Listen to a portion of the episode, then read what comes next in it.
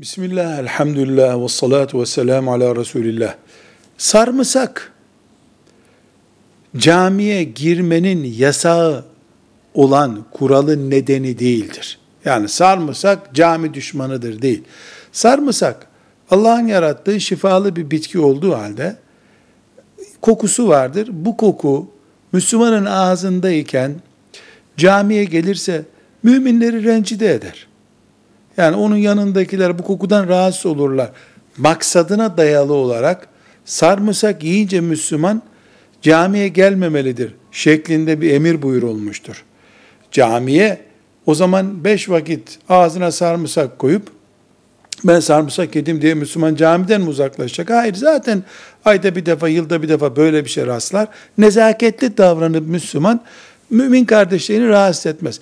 Cami gibi toplanılan yerlere de Müslüman sarımsak gibi bir şey yiyip ağzı koktuğu zaman gitmeme nezaketi göstermelidir ya da camiye giderken, toplantılara giderken sarımsak gibi kokulu bir şeyi ağzına almama nezaketi göstermelidir.